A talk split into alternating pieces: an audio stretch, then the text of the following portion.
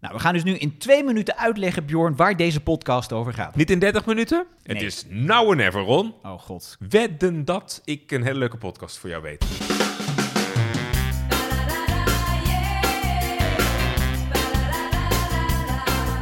Dit is de podcast over televisienostalgie. Bjorn en ik, wij recenseren programma's waar jij een herinnering aan hebt uit eh, je kindertijd of je tienerjaren, toen je nog met natte haartjes op de bank zat.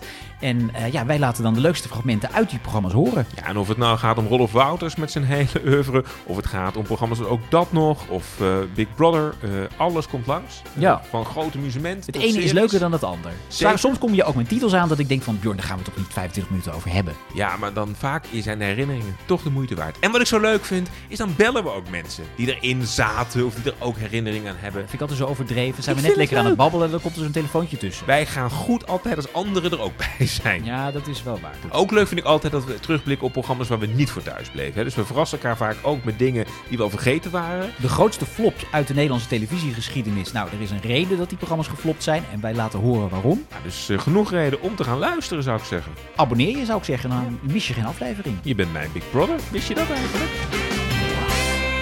ik ben wel het zonnetje in huis. Oh, Ik vind het zo. Dat bleef je voor thuis. Is de podcast over televisie nostalgie. Lekker luisteren hoor. Of niet?